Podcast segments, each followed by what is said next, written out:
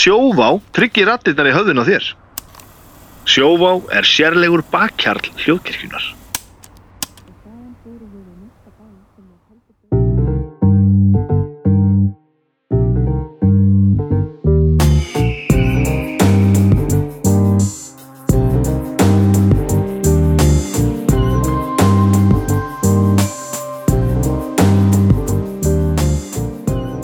Komið sæl og verið velkomin í bestu plötuna. Ég heiti Baldur Ragnarsson Við erum að taka upp bestu plötuna hérna. Ég tek upp bestu plötuna í átóluna og ít á takkan og nú rennur þetta ljúftin á harðan disk. E, Þar sem við erum að segja og doktorinn hann situr hérna í sófanum og hliðina á honum er haukur. Þeir eru gestir bestu plötunar í dag og það eru frí mínútur Uh, hætti símanum aukur, hvað ert unglingur? Nei, ég er, ég er, ég er að leita gögnurum sko. Nú, ok, þá erum við gögn hérna. Ok, það er, það er pró, prófað að leið, sem sagt. Já, já, Þetta segja unglingar alltaf ekki einmitt þurfa svo þegar að prófa að vera ekki með þau klár sko. Það segja, alltaf þegar fóðuröldar segja við unglinga Hætt, na, þú ert alltaf í símanum, viltu ekki hætta í símanum? Nei, ég, ég er bara að leta gögnum. Þannig að það er Nei, það náttúrulega engin unglingur að hlusta en ég ætla ekki einu svona að segja þetta. Uh, Æ, dóttor, Já, hæ, hæ, hæ. Hvað segir Hæ. Ég er eldress Er það ekki? Eldress og, og, og, og sáttur. Já, með, með þú, þú ert þarft ekki að koma og þú ert ekki að leita nefnum gögnum. Ég er ekki að leita neina þau eru gögnum. nefnilega öll inn í þessum haus. Búa, Já, þau eru öll hérna bara inn í, inn í, inn í hausnum. Búið að taka upp tvo helvíti skemmtilega þætti Þannig ég er bara on fire sko. Já, það er nú ekki amalegt að heyra. Og haukur fyrir utan, fyrir utan hérna gagna öflun mm, góður? Bara mjög. Já, Já, já, já, uh, þú ert líka eldress og sprekkur sem lækur. Já, Haukur og gagnamagnið. Wow. já ég, Nú ekki með mikið gagnamagn sko, En ég er með smá svona Ég er með smá uh, aðstúðar ökumann hér á í símanum. Nú, já, já. Ok, ok. Um, Ég veit ekki hvað við erum að fara að gera. er- uh, En það eru fríminútur Það eru frímínútur. Já. Sko. Hvað, hvað stendur til? Nú uh, er tónlistar uh, sagan full af heimsþektu tónlistarfólki. Já, og við höfum fjallaði mikið af þessu fólki í þessum þáttum hérna. En svo eru líka til uh, hljóðfæri sem að eru mistækt en, en það eru til hljóðfæri þarna úti sem að eru líka við heimstækt og þá erum við ekki að tala um já, hérna uh, þú veist uh, BC Ritz War, Warlock típan skilur, við Nei. erum að tala um Við erum að actual tala um- já dauða hluti Mhm. sem að eitthvað tónlistafólk hefur notað eða átt og þessir dauður hlutir hafa auðlast einhvers konar uh, bara svona góðsakna kendan uh, status. Já, persónu, búið persónu að gera það. Já, ég sko, ég er svona aðeins búin að það er svolítið gildislaði að segjast að hafa leigið yfir hlutum þegar maður þegar það er ekki satt. En hérna ég er svona í gegnum tíðina ég, ég, mér finnst alltaf gaman að lesa um svona eh, svona dót sko. Og því að sömur eru náttúrulega bara þannig bara þeir fara í stúdíu og nota bara eitthvað gítar og, og spila svo live og nota eitthvað annan gítar og, og þeir hafa bara fullt af gíturum og er ekkert að, er ekkert að bindast einhverjum einum tilfinningaböndum sko. nei. ég hugsa að flestir sem spila, spila hljóðfæri og náttúrulega sérstaklega þeir eru bara svona áhuga hljóðfæraleikar og átt kannski bara eitt eða tvö hljóðfæri Mhm. þá svona bindstu þeim kannski ekstra tilfinningaböndum en hérna en það eru heimstektir tónlistamenn sem að jafnvel hafa bara nota sama hljóðfærið bara í gegnum tíðina alltaf Mhm. Mér langaði aðeins að renna yfir þessi hljóðfæri sko. Núna Nú ætlum ég að byggja ykkur um að hemmi ykkur út í að núna eru allir sem eru að hlusta og þið að hugsa, já, þessi, hérna, þetta, þetta, þetta ég er örugglega að fara að nefna þetta allt sko. Já, Þegar ok. ég, ég, er ekki, ég er ekki hérna til að vera frumlegur sko. En svo eru kannski ekkur að núti sem að vita bara ekkert um þessi hljóðfæri og vonandi hefur fólk gaman að sko. Mikið af þessu eru gítarar. Mhm. uh, það er mjög erfitt samt. Þetta er eitt af þessum hlutum sem eru nánast ógúglanleg Já, þú til dæmis slærið inn uh, famous guitars þá færðu bara típur já, þú ert að fara í eitthvað svona mjög svona specific já, orðalag já, já, já. famous individual instruments eitthvað þannig, þá færðu samt fullt af eitthvað sem er bara svona signature Mhm. Eitthvað hljóðfæra línur sem hafa verið gefnur út í nafni einhvers. Akkurat. það hafa mjög erfitt, þannig ég þurfti eiginlega að taka bara hvert hljóðfæri fyrir sig og googla og fá mjög svona vafa saman niðurstöður. Þetta er samt mjög mikið gítarar þetta er, er mikið gítarar og, og sko bæði held ég að þessi mest af gíturum en svo er líka sko það var, það, það var eina hljóðfærið sem var með Wikipedia síðu yfir fræg uh, individual hljóðfæri. Ekki trommur? Nei. okay. Uh, þetta er ekki trommulaus listi en við skulum segja að trommur það er, það er ráð ekki ríkjum hér. Nei, ef að taka þetta í ef að taka þetta eftir hljóðfærum eða ef að taka þetta í ykkur röð þá ég bara byrja ég bara. vil bara að þú, núna fylgir þú hjartanu. Fylgja hértanum Já, Já. byrjum á óbúðunum byrjum á óbúunum hver myndir þú segja að væru eitthvað eftir í hug bara bara top of your minds fimm frægustu óbó popsugunar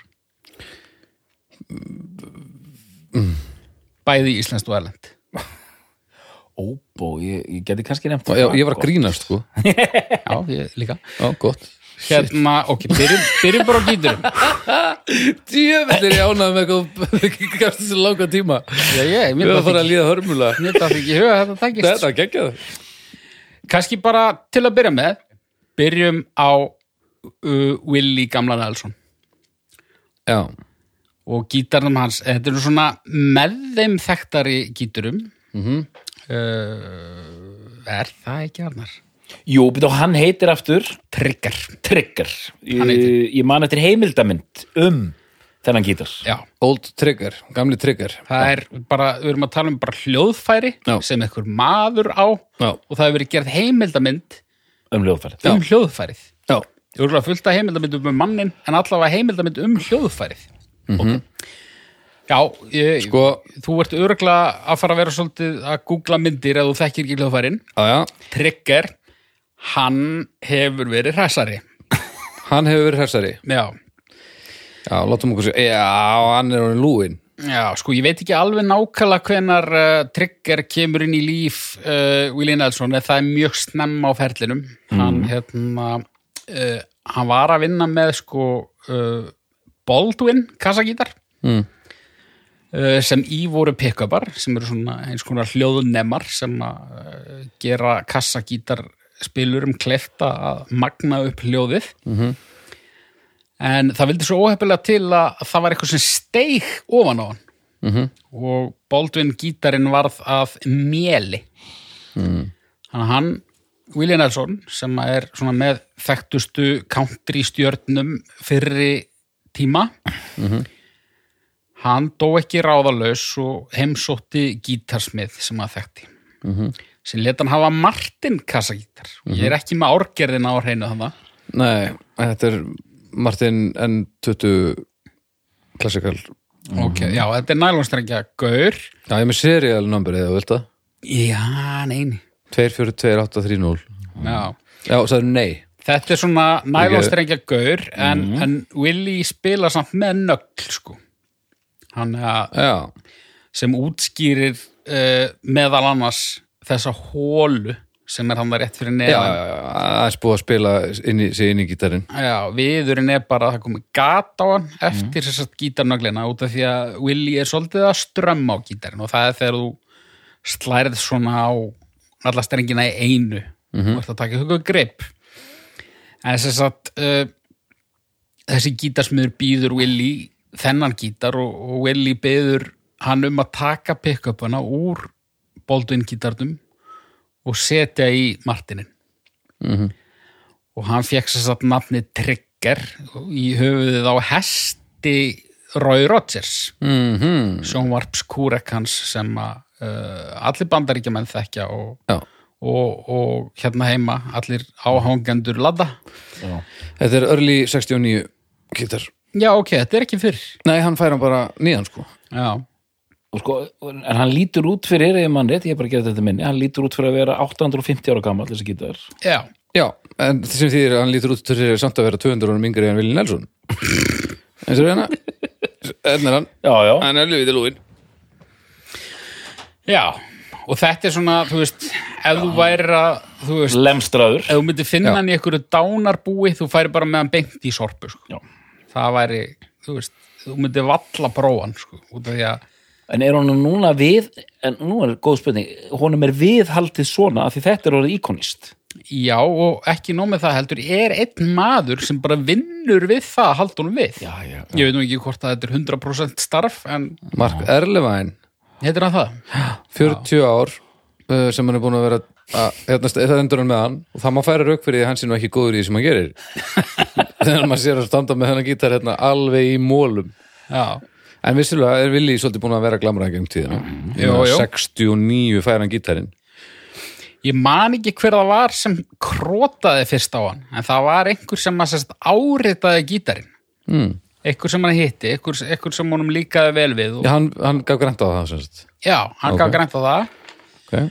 og svo var þetta bara svona eitthvað þing sko, ef að Willi Nelson hitti einhverja kollega, einhver tónlistafólk eða jável bara bara einhverja, einhverja sem hann hitti. Mm öllum bóðið að króta nafni sitt á trigger. Já, það eru eitthvað fleiri hundruð nöfn á gítarnum sem er búið að króta á með innum ímsu pennum. Já, og margt búið að mást af eins og gengur Já, já. gerist og svona. Já, ég meina þú sérði ekkit lengur almennilega neinar áritanir þannig? Nei, nei. ekki nefnum að fara mjög nálatókur ennilega og hann sem sagt útskýri Jú, það er nú eitthvað. hann útskýri nafngiftina þannig að Trigger var uh, hestur og þar að leiðandi þarfasti þjótt Rói Rodgers og hann lítur á þetta bara sem hestin sinn bara hérna sinn þarfasta þjón í, í tónlistarsköpun. Uh, Willie Nelson lendi í einhverjum uh, einhverju veseni uh, gagvart skattmanni uh, í upphafi tíunda áratör veit ekki hvort hann var gjaldþrótað eða var á leið í gjaldþrótað eða eitthvað. Mm. en það allavega stemdi í einhvers konar egna upptök og hann var ekkert að pæli að bjarga húsinu eða eitthvað þannig. Nei. hann bara uh, bað vinsinn eða fjölskyldum meðlim um að fela gítarinn. Það var það eina sem honum var andum það var þessi gítar. Og hann var falinn þarna í eitthvað tíma á meðan að skattamálin kólnuðu Greið. aðeins okay. Þetta er íkonísku gítar og þetta er, þú veist, nú veit ég til dæmis að Arnar Ekkert, hann er ekki hljóðfæraleikari en þegar ég stakk upp á þessum þætti, þá var þetta fyrsta hljóðfærið sem að hann nefndi. Já. Þú, þú þekktir þetta. ég þekkti þetta og öruglega eingöngu út af hérna þessari heimildamind sem var þá að fljúa á einhverju veitur sem ég var að skoða sko Já. og já, Þetta eða er- hvort þetta þetta var á YouTube eða eitthvað Þetta er mjög gott að því ég, ég er ekkit með einhvern langar lista af einhverjum hljóðfærum sem að ég man eftir svona Nei, þetta er ekkit eitthvað rosa. Þannig að ég er, ég er mjög ánægð með það já, þetta er gott En ok, þú sem ekki hljóðfæraleikari, Já. en bara svona tónlistar, Já. ég ætla ekki einu svona að segja unnandi, bara fíkill, Já, já. finnst þér þetta áhugavert? Mér, sko, ég er núna bara spenntur hérna og mér finnst mjög gaman að sitja hérna með tveimur hljóðfæraleikurum af því ég veit að þið getið sagt eitthvað að viti Átt þú ekki Martin gítar? Jú, Já. það ég, Já. ég er með sko fjóra gítara heima hjá mér til dæmis En það er ekki, þetta er ekki nælumstrykja Nei. En með breyðari hálsum velulega, sko Samt, þannig að hann er svona næstuði mitt á milli en samt með stáltringum Ok. en, en hvað Já, uh, þykir hún svona væntum hennar gítar Já. af því hann er svona góður eða er þetta bara tilfinninga rögg, húst, er hann geggjaður þessi gítar? Sko, Martin gítarar þykja náttúrulega mjög góðir en ég veit ekki hvort að þetta tiltekna inntak sé eitthvað betra en aðri. Ég held að þetta sé fyrst og fremst tilfinningamál og bara svona svona alltaf bara verður þetta bara svona íkonmál, sko. En hann notar alls konar gítara samt. Uh, ég held að hann noti þennan langmest, sko. ok, Ég bara, ég man valla eftir að hafa sér mynd á Willie Nelson með gítar í hönd og það sé einhver annar gítar. já það er bara þannig já, ok, En ég er svo sem ekki eitthvað alltaf að googla Willie Nelson.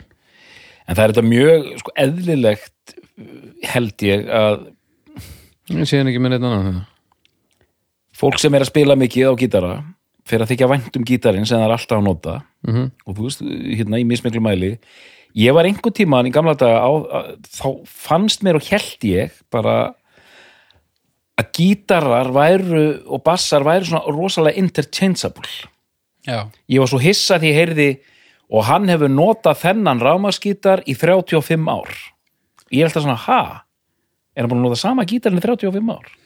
já, þetta er samt bara, þetta er pínu, sko, nú... sem verður þetta eitthvað svona happadæmi líka Já, eflaust, sko, en ég, ég held að þetta sé oftar meira bara svona eins og skór, skilur Þú veist, þú átt bara eitthvað skó já, sem er bara ógeðsla þægilegir Mhm. og þér þykir væntu þá og þú ferði vel með þá. Já, já, og svo ferði eitthvað aðra, þú getur alveg verið í öðrum skóm já, já. en þú veist, þú ert að ganga á til og það er kannski enda á að vera ekki jafnþægilegir þú veist, ég e, á þannig skó og ég bara, ég verði í þeim skóm þannig að þeir eiðileggjast já, já. En, og það eru bara nokkur ár alltaf sko. Já, Þetta sko þetta er spurningum að þegar maður finnur gítar sem að manni finnst gott að spila á mm.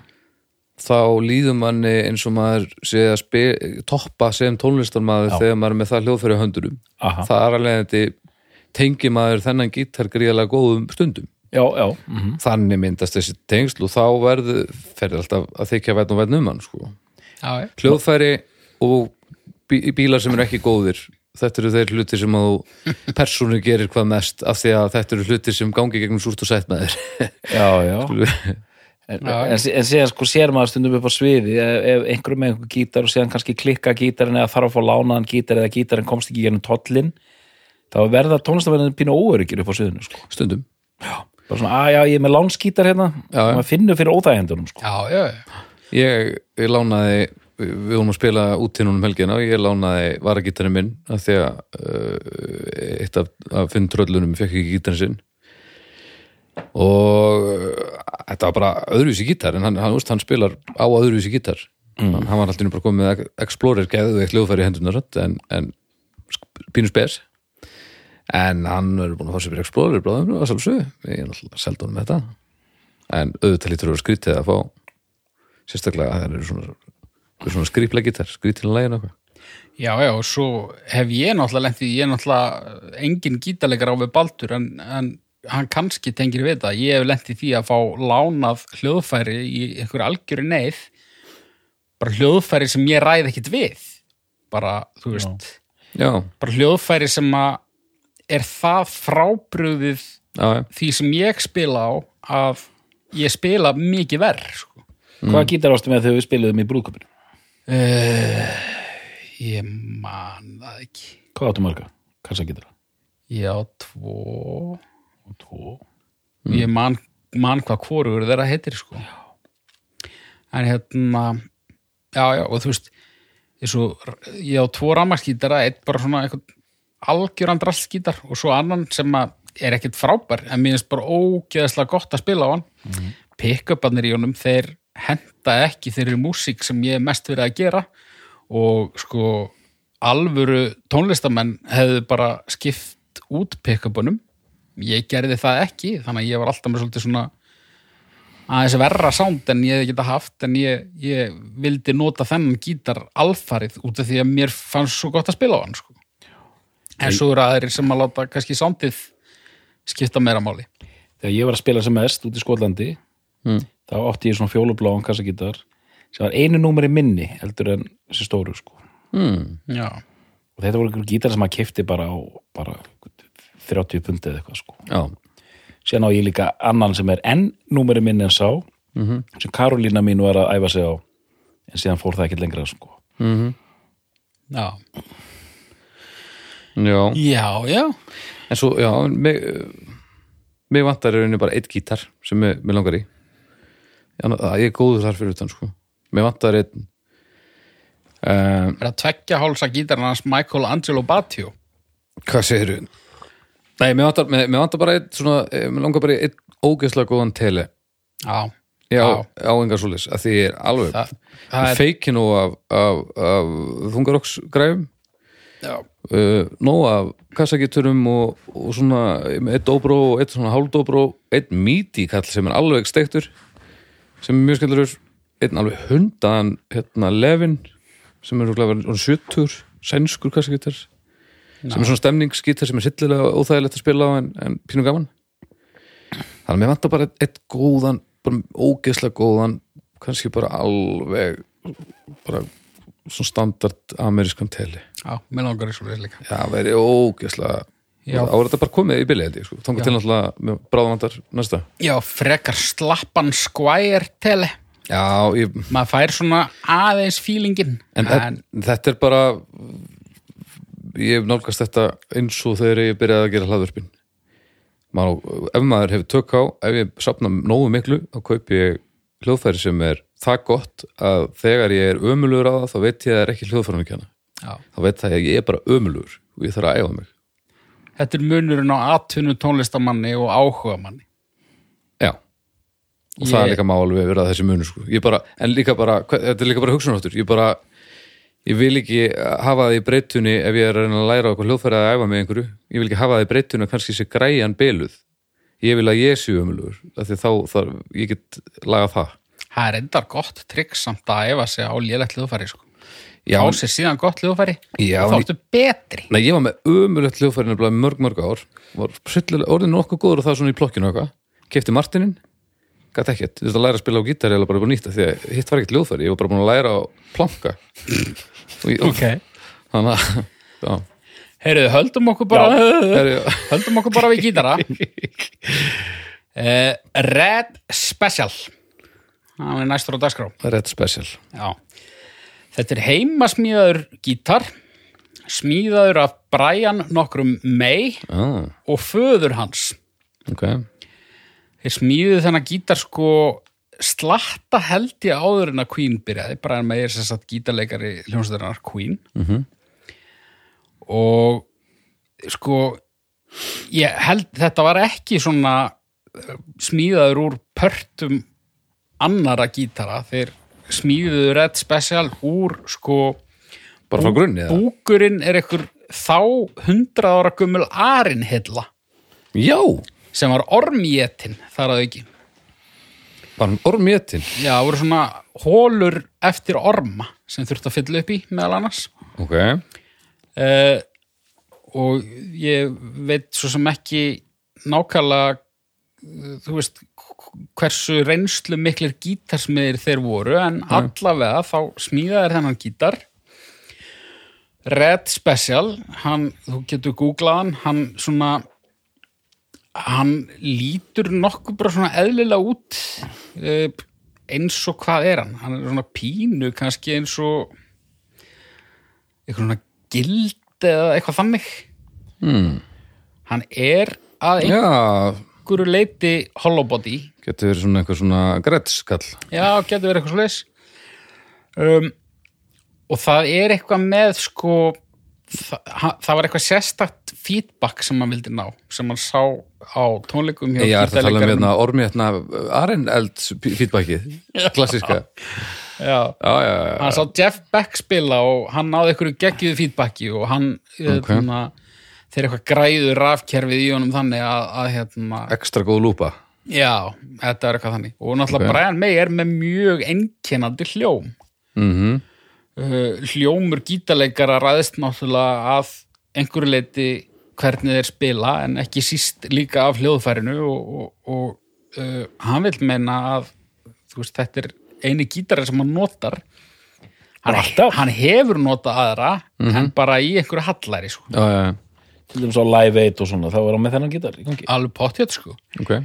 Þú veist, það voru einhver tilf, þú veist, það voru einhver tvö og svo mynd á hann það var eitthvað tvö myndbönd með Queen þar sem hann er ekki með hann út af því að í öðru myndbandinu voru þeir í snjó og hann vildi ekki vera með hann út í snjó. Og í hinu vídjóinu þá er eitthvað sena þar sem Freddie Mercury kastar gítarnum til hans. Og hann vildi sérst ekki taka sjansin á þessu en hann er svona wow. kirsuberja rauður og, og hérna hann hefur spilað á þennan gítar á allar Queen-plötunar mhm. Og uh, hann spilar ekki með nögl. Hann spilar með sixpensa uh, penning sem ég veit ekki alveg af hvað hann gerir. En mögulega er það hluti af hans sándi líka. Hann allavega ja, hann, hann, hann bjargar sér sko hann bjarga sér já, já. og svo það, þessi maður er náttúrulega skrítin skrúfa sko. hann já, er, já, hann er náttúrulega- yfirgengilega óþægilega velgefin og, og læruður já, og hann veit klárlega hluti sem engin annar veit og, og ég hérna og þessi gítar náttúrulega, þú veist þetta er ekki svona gítar sem er frægar en eigandinn en það eru kannski fáir þannig en, en hérna en uh, ég til dæmis hafði ekki hugmyndum að hann hefði alltaf verið að nota sama gítar en, en svona þegar maður sér hann fyrir sér þá er hann alltaf með eitthvað svona rauðan jú, jú. svona. en þetta er sagt nánast eiginlega alltaf þessi Mm. uh, ok og svo náttúrulega eins og með svona uh, customiseraða ramaskítara og, og svona gítarhetjur þá náttúrulega endar það alltaf þannig að, að þeir fá sína eigin gítarlínu. Og signature gítar. Ég man nú ekki hver hefur verið að framleiða uh, eftirlíkinguna af þessu en það er sagt þá bara þá fer gítarleikarinn í samstarf með einhverju gítarframleiðslu fyrirtæki og, og, og það gerð eftirlíking af upprunalega hljóðfærinu og, og, og sett á markað til almennings. Og hefur það verið gert? Það hefur verið gert með hann, já, ok. Red Special og Red Special er það nafn sem hann og pappans gá, gáðu gítar Ég held það, já. Herðu, við erum með nokkra gítari viðbót en kannski, ég ætla kannski ekki að fara grúndikt í þá alla. Mér langar næst samt að nefna annan freka frægan ok, og það er sem sagt Stratocaster, Fender Stratocaster Mhm. með pick-upum úr einhvers konar Gibson gítar, ekki SG, ekki hérna Les Paul, einhver, önnu típa. okay.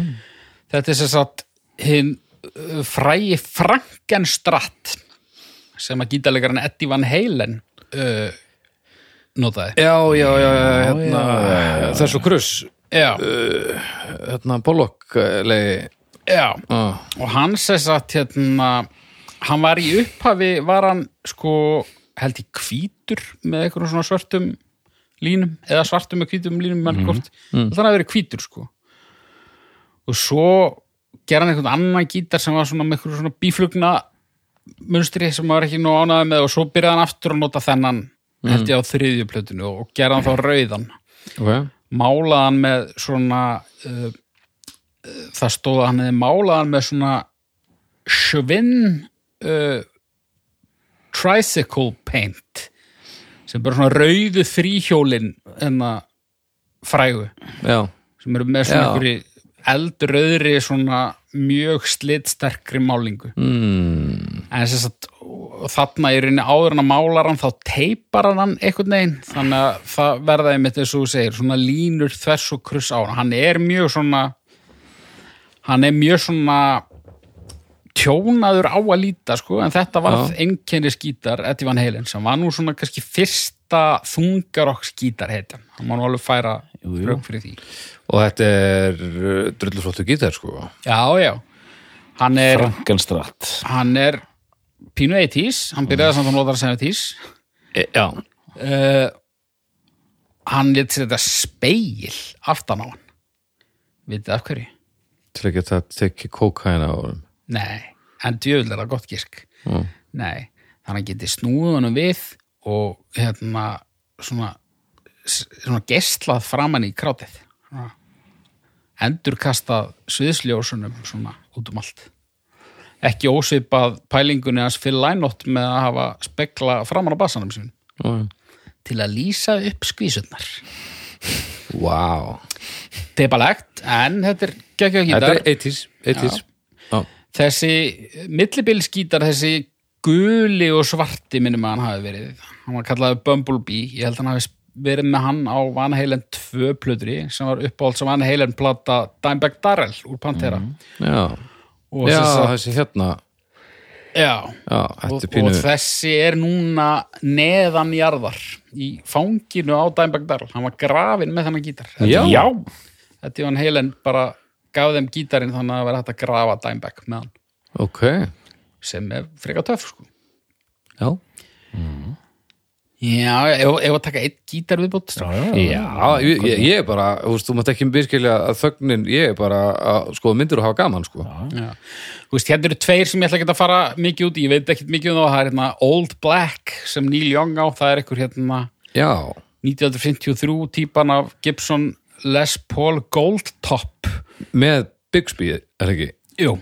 Old Black Já, Með Bixby Sveif, það er sem sagt svona mjög mjög raustnarleg svona sveif, sem, þetta kerfi sem er kallað Bixby þar sem maður tekur stólinn og maður, maður getur, ef maður tekur sveifin og ítir niður þá uh, slakar maður á strengjunum og ef maður tóður upp þá uh, strekkir maður á strengjunum og þá breytist tónnin í samræmið það já.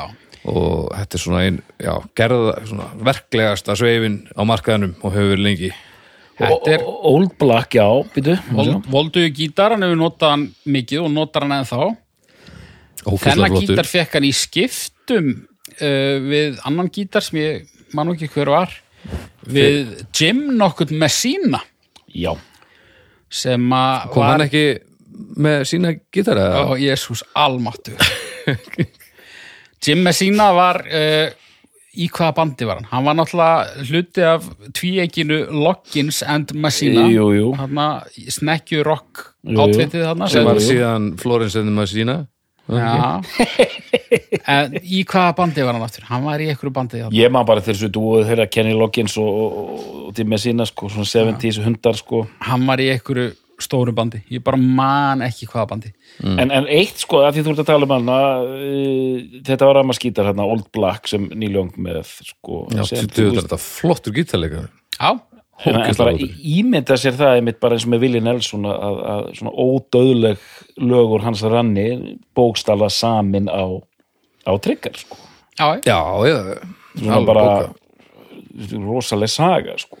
já. Uh, Ég ætla nú að hoppa hérna yfir gítarnas Billy Gibbons úr, úr. CC Top Nú, Það er einhver Les Paul sem heitir Pearly Gates okay. Pearly Gates Ég fann ekkit eitthvað eh, það er engin svona áhugaverð saga um Ja, hann sko. Ég, var, er ekki- ég var samt búin að setja hann í skjalið þannig að þess vegna er hann eitthvað En þeir komu nú oft með einhver svona furðugítara hérna CC Top. Já, hann líka sko hann, þetta er ekki gítar sem hann notar engung Nei. þetta er svona gítar sem hann notar mikið og þetta er svona þekktur gítar. En ok, hoppum yfir hann, já, ég ætla hann, taka þetta er svona bara Sunburst eða einhver Já, bara Kall. mjög basic uh, Les Paul. En drullu flottur í er Já, já uh, Ég ætla að taka aðeins einn gítari viðbútt okay. og þar erum við með uh, hann Greeny. Ha? hann heitir Greeny. Greeny. Já, já. Eh, Þetta er Les Paul Gibson. Uh, já, var er, nei. Á hvort þetta- meira en ég minna þrjár þekktar gítarheitjur átt Greeny. Já, býtu, ég er, er, er, er Körk einn af þeim Kirk er nýjasti eigandinn. Er hann nýjasti? Já. ok, býtu, Ég horfði á hann spila á Greeny hérna um daginn. Nú, það er ekkert öðruvísi. Það er ekkert öðruvísi sko. Uh, ég veit ekki ég veit ekki hver áttan Sko, fyrsti, fyrsti eigandi var Peter Green sem var í Fleetwood Mac ok, meðal annars. Já, það sé ég klálega ekki. Og hvað John Mayall and the Blues Breakers Jú, jú. Já, Þetta er bara svona venjulegur Les Paul, hann er þetta alveg frekar flottur en eiginlega allir Les Paular eru flottir. Mm. en það er eitthvað við rafkerfið í honum. Það er eitthvað svona úrfasa dæmi. Ég kann ekki já, þetta tungumál. Já, já. En það er eitthvað svona skrítið með, hann hann er eitthvað gallaður sem gefur honum eitthvað mjög sérstakar hljóm sem að ég heyr ekki? Já, og þess að Peter Green uh, átti þennan gítar og notaði hann, var ekkit alveg að fíla hann. Ok. Uh, hittir baksviðs uh, Gary nokkuð múr ah, gamla graða já, Gary Moore var mikill aðtóndi Peter Green og hann dýrkaði þennan gítar. Já, og þeir hittast þarna og hann segir, heyrðu, ég, ég skal selja gítarinn. Bara og hann hérna bauð honum eitthvað og Peter Green hann vildi ekki, hann satt, vildi ekki fá svona mikið fyrir hann. Nei. Og hann hérna enda á því að selja um hann á 120 pund.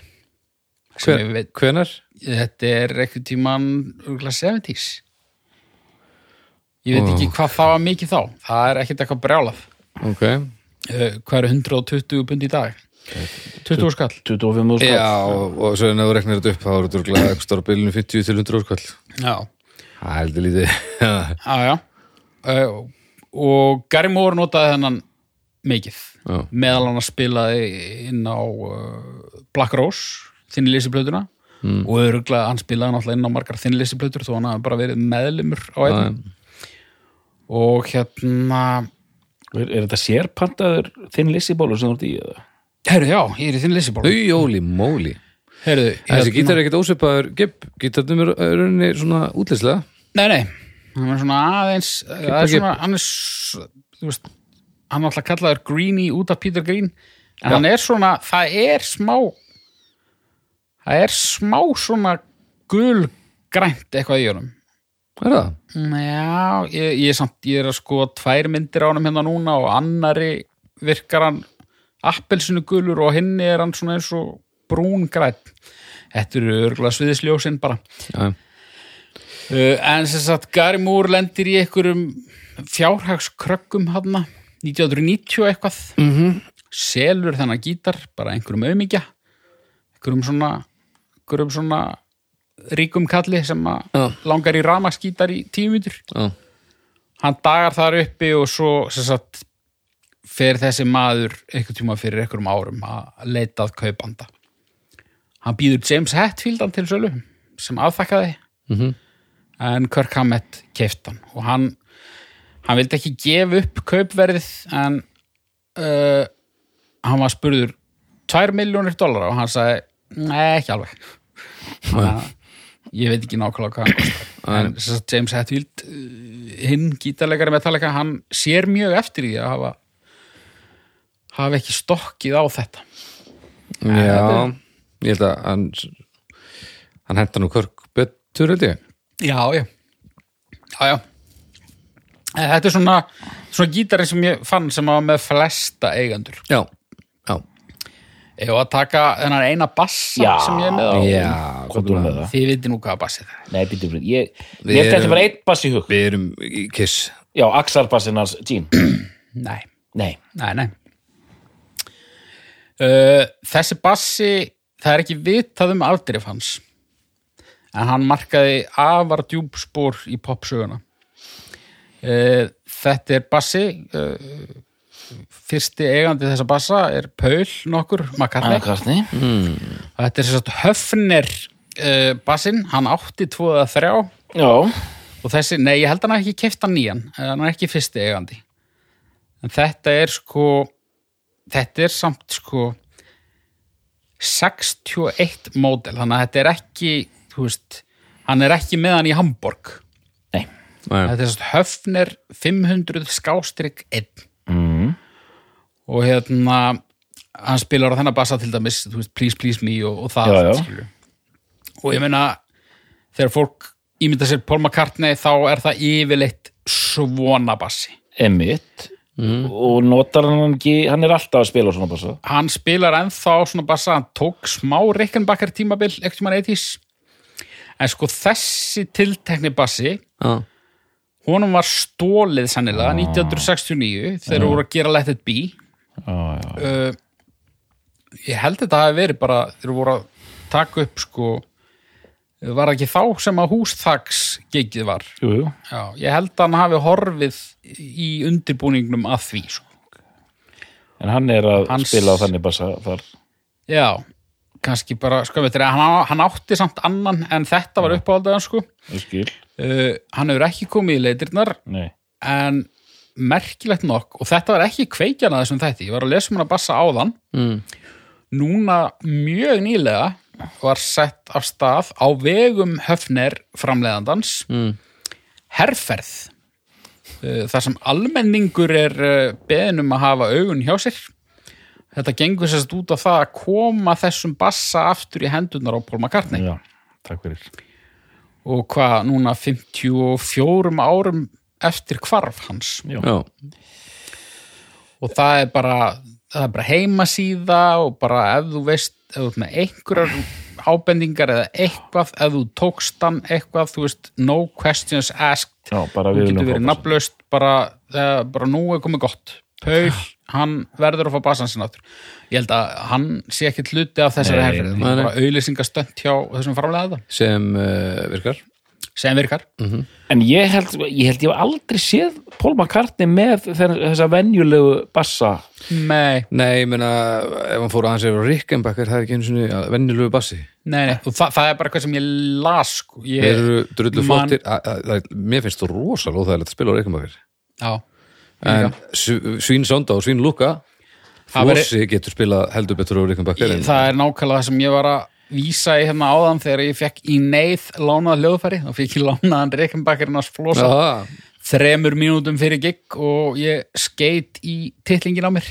Já, út af því að ég kunni ekkert að spila á hann. Já og svo reyndar út af einu öðru. Hann var sérst ekki í sömu tjúningu og ég held að hann væri. Það er, það er miklu verra aukur Já, hann aðeins vera Já, já það var ekki gaman að eyða fyrstu mínútunni í fyrsta læginu í að að panik stilla. Nei, þeir eru flottir sko. Já, já, Já, og höfnerinn er svona það er þessi fyðlu fílingur Já, höf, mér veist, ég var ekki að tala um höfnerinn þegar ég sagði að hann verið flottir. Maður Ég var að tala um Rickenbacker. þeir eru svona, höfnirannir eru svona fallega ljótir. Nei, þú verður náttúrulega að vera að hafa verið í bítlurum eða, eitthvað skilur þess já. að þetta er bara, mér finnst þetta alveg voðaleg sko. já, já. Heyrðu, hoppum hérna yfir Kristals píanóið hans Liberace vegna þess að ég veit ekkert um það. Okay. Ok. Það er í rauninni sko þannig erum við líka komin í þannig ertu komin svolítið inn í sem þetta opnar aðra víta á þetta. Þú ert komin í svona gimmikljóðbæri Já, já, Kristalspíano hans Liberace Já, ég meina- Axarbassin hans Stín Simmons og svo framvið það er auðvitað til fullt af svona hljóðfærum eitthvað barnatanna píanóð hans Kim Jong-un en þú veist það er bara stjörnu bassinn hans Bootsy Collins.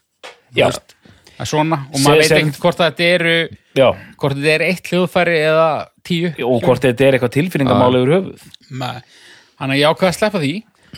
Ég er með tvent í viðbót og ok. svo er bara frjáls tími sko. þú ætlar að opna gólfið já, sko Ég ætla hérna næst síðast, langar mig bara og þetta er ekki frækt hljóðfæri en mér finnst það bara góð saga sko. Ok það er snerildróma Já, frægasta snerildróman. Nei, það er alveg potið ekki þannig en, en hérna út af því að þetta tengist nú líka því sem við höfum svo oft rætt sem að er uh, undrabarniði sænska Lars Ulrik já, uh, hann já, sko og ég þekkti þessa sögu en það var ekki fyrir en ég var að rifja hann upp í dag og var að lesa hann aftur þegar að ég uppgötaði nýjan flöt á þessari sögu sem að ég hafði ekki vitað og setur þetta í aðeins annað samingi okay.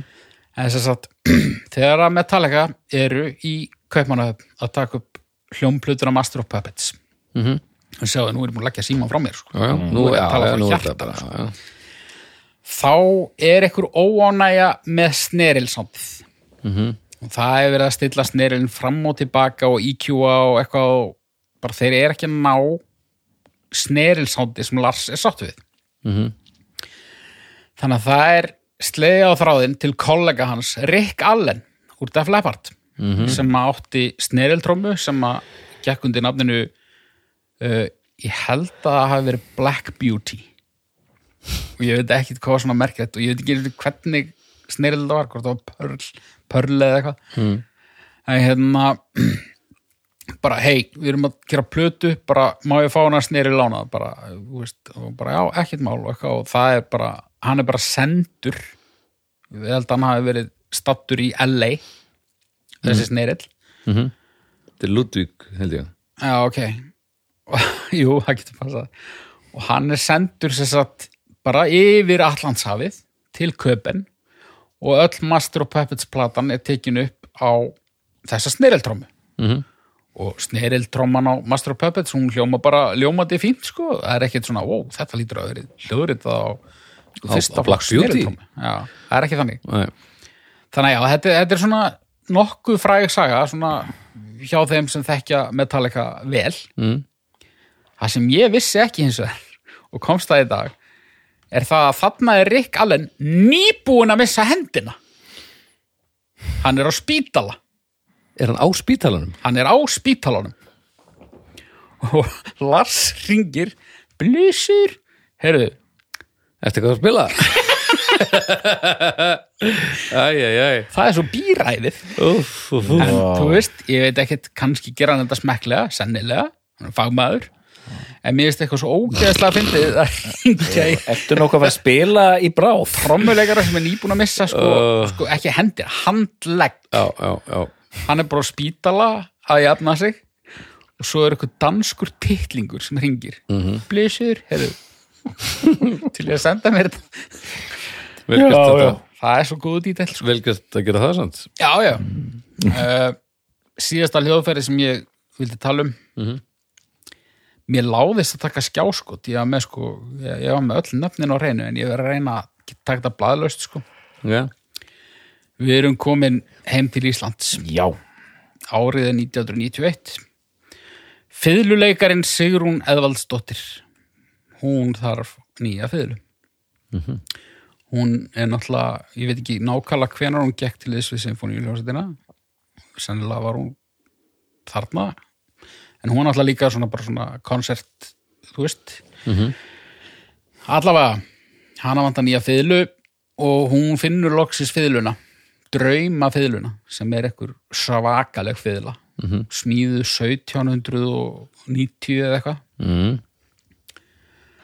uh, hún fer í hemmagunn og það er eitthvað verið að tala um fiðlerið Mm og hún, hún hérna fer að tala um hérna, hún sé að fara að kaupa fiðlu og hún er svolítið dýr sko. Nýju mils. -hmm. og hemmigunn hann segir já hvað, er ekki bara landsöfnun málið? Og það er einhver hópur af fólki vel unnur um Sigrúnar Eðvalds sem setja af stað landsöfnun bara fiðlusjóður Sigrúnar Eðvaldsdóttur og það söfnuðu skorki meira en minna en 8 miljónir af þessum nýju sem fiðlan kostaði og uh, mannst eftir þessu Já, já, vel. Já. Ég myndi náttúrulega líka eftir þessu sko. Þetta var, það var náttúrulega aldrei neitt að frétta á Íslandi. Þannig að það að einhver kona þyrti fiðlu, Mhm. Það var bara, ég, ég man bara, þú veist, þetta er bara eins og þið voru að fjalla um þorskastriðin hérna í draugunum, sko. Já, já Þetta er bara svona tímabil í barnæsku minni. Það var bara, já, þarna þegar Sigrún var að safna fyrir fiðlunni. En hún sagt fekk þessa fiðlu að lokum og ég held hún spila hana ennþá. Ég held allavega hljóðfæri sem er uh, smíðað 1790 og keft 1992. Mhm. Ég held að sé ennþá hægt að spila á það 2023. Nema, veist, ef að Sigrún Aðvalds tekur eitthvað brjálaðisköst þegar hún spilar illa og Nei, það gerur hún ekki drepi sígarettum í henni. Nei, ég hef spilað með henni og þetta er ein ljúfasta manneskja í heimi sko Aha, hún er indisleg Já. djöfullur um góðu fylgu shit Og þetta var sko, en fréttin fór dálítið á fluga því að hérna það var mikil úlfa þittur kringum þetta mál og þetta var tækifæri fyrir helvítis listamannalauna liðið til Einmitt. að blása. einmitt, nákvæmlega það var nákvæmlega þannig Mm. og sko bara flott bara, hann langaði fiðlu og það var eitthvað fólk sem vildi hjálpun egnast þessa fiðlu og bara þeir gáfu pening sem gátu og vildu og ekkert nema gott um það að segja ég vildi hafa þetta með út því ég var bara að reyna að muna eftir einhverju frægu íslensku hljóðfæri Mhm. Svo er náttúrulega, þú veist, eitthvað píano sem Mozart átti og eitthvað svona djöfusi skran sem ég nefndi ekkert að pæla mm. Þetta er, þetta er nú búið að vera helvíti glæsileg yfir hjá þér haukur. já, þetta er gott sko. Já, er eitthvað, munið þið eftir einhverju sem maður vantar, sko, það var náttúrulega, sko, annar hver gítar, til dæmis þegar ég komst á þess að Wikipedia síðu, þá var náttúrulega annar hver fokking gítar á henni, eitthvað rusl sem er Clapton á, já, bara, já, einmitt, já hann á hann á svolítið af svolítið já, Nei, það er þetta bara fyrst, fyrsta hljóðfæri sem nefnir sem er búið að gefa nafn, gerir þetta allt mjög svona eins og þetta sé bara dýr. já, ég, úst, ég er ekki vel að mér í, í þessum efnum. Úst, þú hefði náttúrulega átt að fá Bibba bróður hérna í þáttinn. Hann og er örugglega með langan lista af einhver svona seti Já, ha, hann gerir eiginlega ekkert í lífinu nema að horfa á vídeo um hljóðfæri. Já. hann elskar þetta sitt endur hann mjög vel að sér í þessu líka Hann að ef hann er að hlusta já, þá er hann mögulega að springa. Já eða nei, nei, hann er líka maður tækifærana, ég held að við fáum bara lista. Já, við fáum held ég bara, bara gríðlega gott backup á, á umræðhópin ef hann er að hérna, hlusta á rauntíma sko, því að annars verða hlustundur náttúrulega löngu búin að, fara í gegnum allt því að það eru lúðar að núta að hlusta sko, Me, miklu meiri lúðar heldur en, heldur en við erum í því sem við erum að tala um Já, ég, ég veit að þessi þáttur verður gríðarlega vel þegin og metin af slatt af liði inn á umræðahópnum fyrir gítarnördana er þetta bara já, hvort sem vilja ergja sig eða gleðjast mm. bróði minn er þetta alveg þessu sko Já. á mikið af hérna gíturum og, og pælir og spáir og, og spekulerar sko. Þannig að þú veist þetta er alveg, þetta er, þetta er mikil guðskjöf sem við erum að hérna þráin, hérna. þráin orðni, já hér Já. þráin geti nú aldeilis komið með aðeins smá slurk hérna þetta eru menn sem að þeir eru svo, svo miklu grúskarar um framleiðslu hljóðfara Já, nefnitt og mér finnst gaman að nota þau sko. Mm. Já, já, það er svona munurinn svolítið. Ég er ekki, al, ég er ekki vel að mér í sögu vörumerkjana og þetta. En ég hins vegar þegar ég fæ hljóðfæri í hendurnar og, og þá finnum maður að það er óbúslega gott og þá tengist maður í óbúslega stert þannig ég, ég skil mjög vel að, að, að þetta fólk sem umræðir sér að það eru óbúslega sterk svona tilfinningabönd sem maður sem maður getur átt við, við þessar steindauðu hluti og eins og, eins og fyrir, sko, fyrir mig án og heita tónlistafræðingur ég hérna ég man lítið af þessum nöfnum. Ég man bara, nú er ég reyna að rifja upp eins og Sonic Youth þeir eru með fræð uh, þú veist eitthvað heita nú gítararnir þeirra en ég get nú ekki munið hvað þeir heita sko. Og hérna og svona, þú veist Ég held að við séum sko konum með góða gegnumferð hérna hjá hauki mm. svo hefur við að taka þetta yfir á umræðhópin ég held að það er bara í alvörunni að því að við getum alveg verið eitthvað að reynda mun eitthvað en af hverju ekki bara búið til gott? Algjörlega, fá okkur að góða fyllir í á sögur umræðhópnum sko. Já, og ég væri líka sérstaklega sko, bara allar ábendingar velþegnar. Já, og væri fínt bara að fá þær í sama þráðin hann að setja að lesa sér gegnum hann. Já, uh, fínt að fá bara hvað sem er en mér, ég væri sérstaklega spenntur fyrir sko annars konar hljóðfærum þú veist. já er óbúið einhver legendir í harmonika þarna sem Já. að við höfum ekki hugmyndum? Þetta er einhver alveg legendir í semball sem að ég ætla, að skjóta inn einu hérna. Já. örstutt. Bara af því að ég finna tíminu að vera búin ég ætla bara að það er saga, sem sagt þegar hljómsveitin Happy Mondays kom til Íslands. Ó, týndu systur. Já, ég hafið þið heyrt þessu sögu? Týndist, nei, hérna heyrt, þetta er gítar sko. Já, ég bara ég segi- hafið þið heyrt þessu sögu nei. Nei. Happy Mondays kom til landsins blind, það, sko engin saga sem byrjar á Happy Mondays endar vel. Nei, hún endur ekki vel. Um, uh, Happy Mondays kom til landsins fullir og villusir og, og útureiktir og alltaf að vera brjálað. Mm. þeir neita að fara á svið nema þeir fái ákveðna tegund af gítar lánað. Okay. Uh, þeir sem skipilega geta sem eru Rósböld liðar, Grímur Atlason meðal annars og Orri Jónsson Dagur Kári og fleiri gangi málið og það er einn maður á landinu sem á þessa ákveðnu típu. Það er Ok. Bubbi Mortens. Ok. þeir talaði Bubbi Mortens hann lætur tilleiðast þannig að gítarinn er lánaður. Síðan eru tónleikanir haldnir og þeir eru alveg svakalegir og mikil neysla. Og síðan vakna menn daginn eftir. Happy Mondays eru á leiðin út á völl og sjálfsögðu með gítarinn góða með sér. Hmm. og við tekur sagt bara car chase hérna grímur og, félagar bara hoppa í bíl og elda sem Happy Mondays til hérna keflaugur flugvallar. Og hérna og það endar með einhvers konar stimpingum. Ok, þar sem sko það er bókstaflega verið að taka svona menn haldi hálsin á gítarnum jésús og eru svona að hérna, hérna slengja honum svona milli sín sko. og gítarnum náðu þeir af þessum villisingum í Happy Mondays sko. heilum heilum. Og Bubbi Mortis fekk gítarinn sinna aftur. Ég hef þannig að sagan endar vel. Ég hef aldrei verið, einn stressaður. Nei, ég er bara sveittur á ennin og þetta, og, þetta, og þetta segir þetta, þetta útskýrir svo fullkomlega hvað hljóðfæri geta þýtt fyrir manni. En þetta útskýri líka svo fullkomlega hvað maður átt að segja á því hvað er leiðinlegt að að eiga eitthvað sögótt við Bubba Mortens 1980 eitthvað.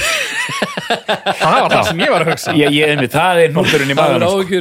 það er áhyggjur af Happy Mondays. Nei, ég hafði áhyggjur að þeim sem skipluðu tónleikana Já. og þurftu mögulega að fara að segja Bubba Mortens að gítarinn hans væri allur. já, já, já, já, já, það hefur verið óbyrlegt Alveg saman um gítarinn, sko. já, já, akkurat já, ég, nei, ég var það sko og ég, ég, ég var bara með bubba bara En sko, Happy Mondays hefði ekki átt von og góðu ef að Bubbi hefði verið að það. nei, nei, nei, nei, það, það hefði ekki verið gott sko. nei, eftir hvað grínast? Hver ætlaði að lemja hann? Bes kallinn hann Já, tæplega, sko. það voru eiginlega svona fyrstu tónleikandi sem ég fór á með erlendu bandi 15 ára gammal og Bess ælda á sviðið og þetta var algjör síra sko. Ég setti það í Excel-skjali í gær. Happy Mondays. Já. Já, já, þetta, það er gott að besta platan. Besta platan. Herðu. Happy Mondays gátt plötu sér Yes Please og það var dómur sem voru tvö orð No Thanks. Mjög gott, Já, já. mjög gott. málumnulegt Herri, já, við, við, eh, ertu ekki sáttur við það hugur? Þetta, þú stóðst í frábæla þú stóðst í frábæla og ég held við ættum að fletti sig yfir umræðhópin Absolutt. Um, sem er inn á Facebook. Uh besta platan umræðhópur þið skulle nú fara þangað og finna hérna eh, allt sem er að gerast uh, þar inni. Svo bara viljum við minna ykkur á að uh, hlusta alls konar frá hljóðkirkjunni það er alls konar að gerast eins og haukur nefndi áðan þá voru við að reyna í gegnum þorskastriðin við flósi nýlega.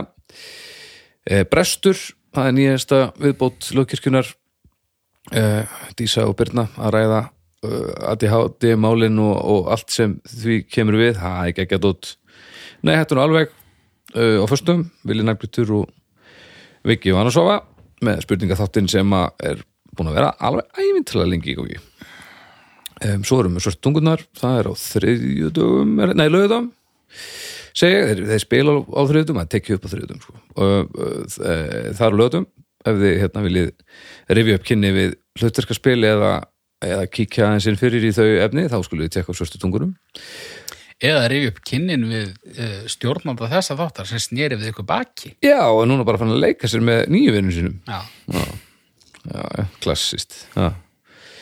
E, og uh, Gnarristan það er á hérna á sunnudum sko, ég veit hvað þú varst að segja en það er ekki sjens að einhver sem þekkir þetta ekki hafi heyrt hvað þú varst að segja. Gnarristan. Takk. Já, það er sérst uh, Jón Gnar og ég að uh, tala við fólk um uh, alls konar.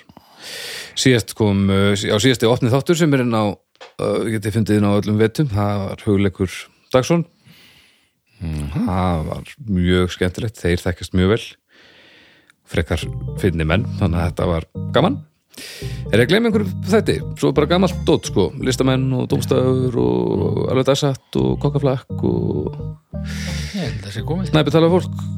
Þetta lítur að allt sko. Já, þetta lítur að komið. Um, þá bara heyrstu við aftur eftir viku. Þið skulle bara njóta stundar þangur til þá. Uh, bless. Bless. Takk, takk